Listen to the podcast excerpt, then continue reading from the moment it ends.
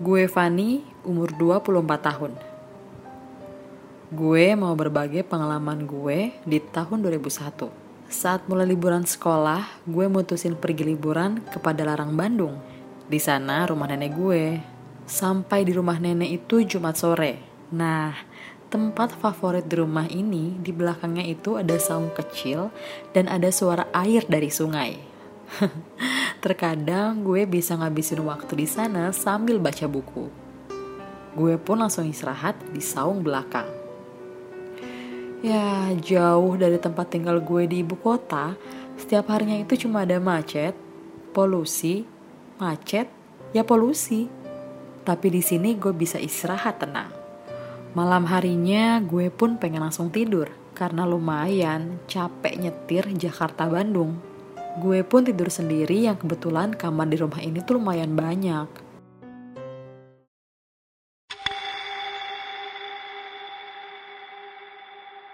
Suara apa itu? Terdengar dari arah saung. Gue mulai berjalan pelan-pelan ke belakang. Saat gue buka pintu,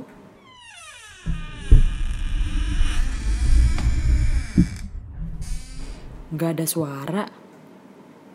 Ah, mungkin gue kecapean. Akhirnya gue mutusin balik lagi ke tempat tidur.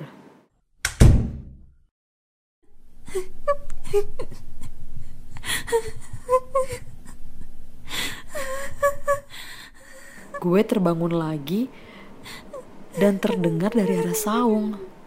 Gue mulai berjalan pelan-pelan ke belakang. Saat membuka pintu, Gak ada suara lagi.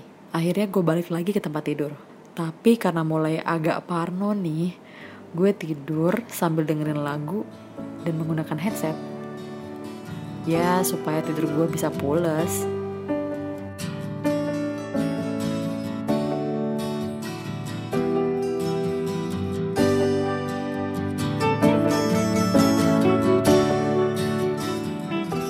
Dan gue mendengarkan langkah kaki yang menjauh ke arah belakang saung.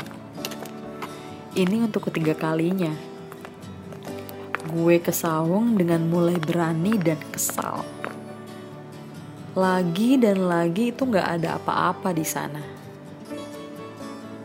Gue balik lagi ke kamar tidur. Saat gue buka kamar,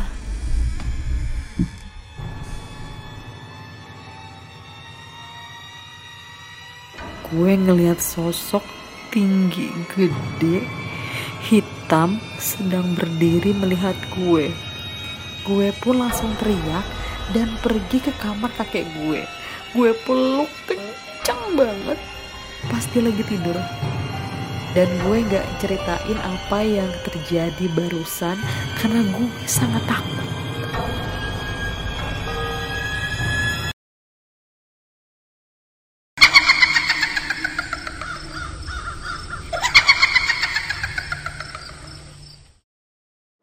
Pagi harinya, gue mulai bangun dari tidur dan melihat nenek gue yang sedang nyiapin sarapan. Akhirnya gue mulai menceritakan kejadian yang semalam. Nenek gue terlihat bingung dan berkata, Nak, kakek kan udah gak ada.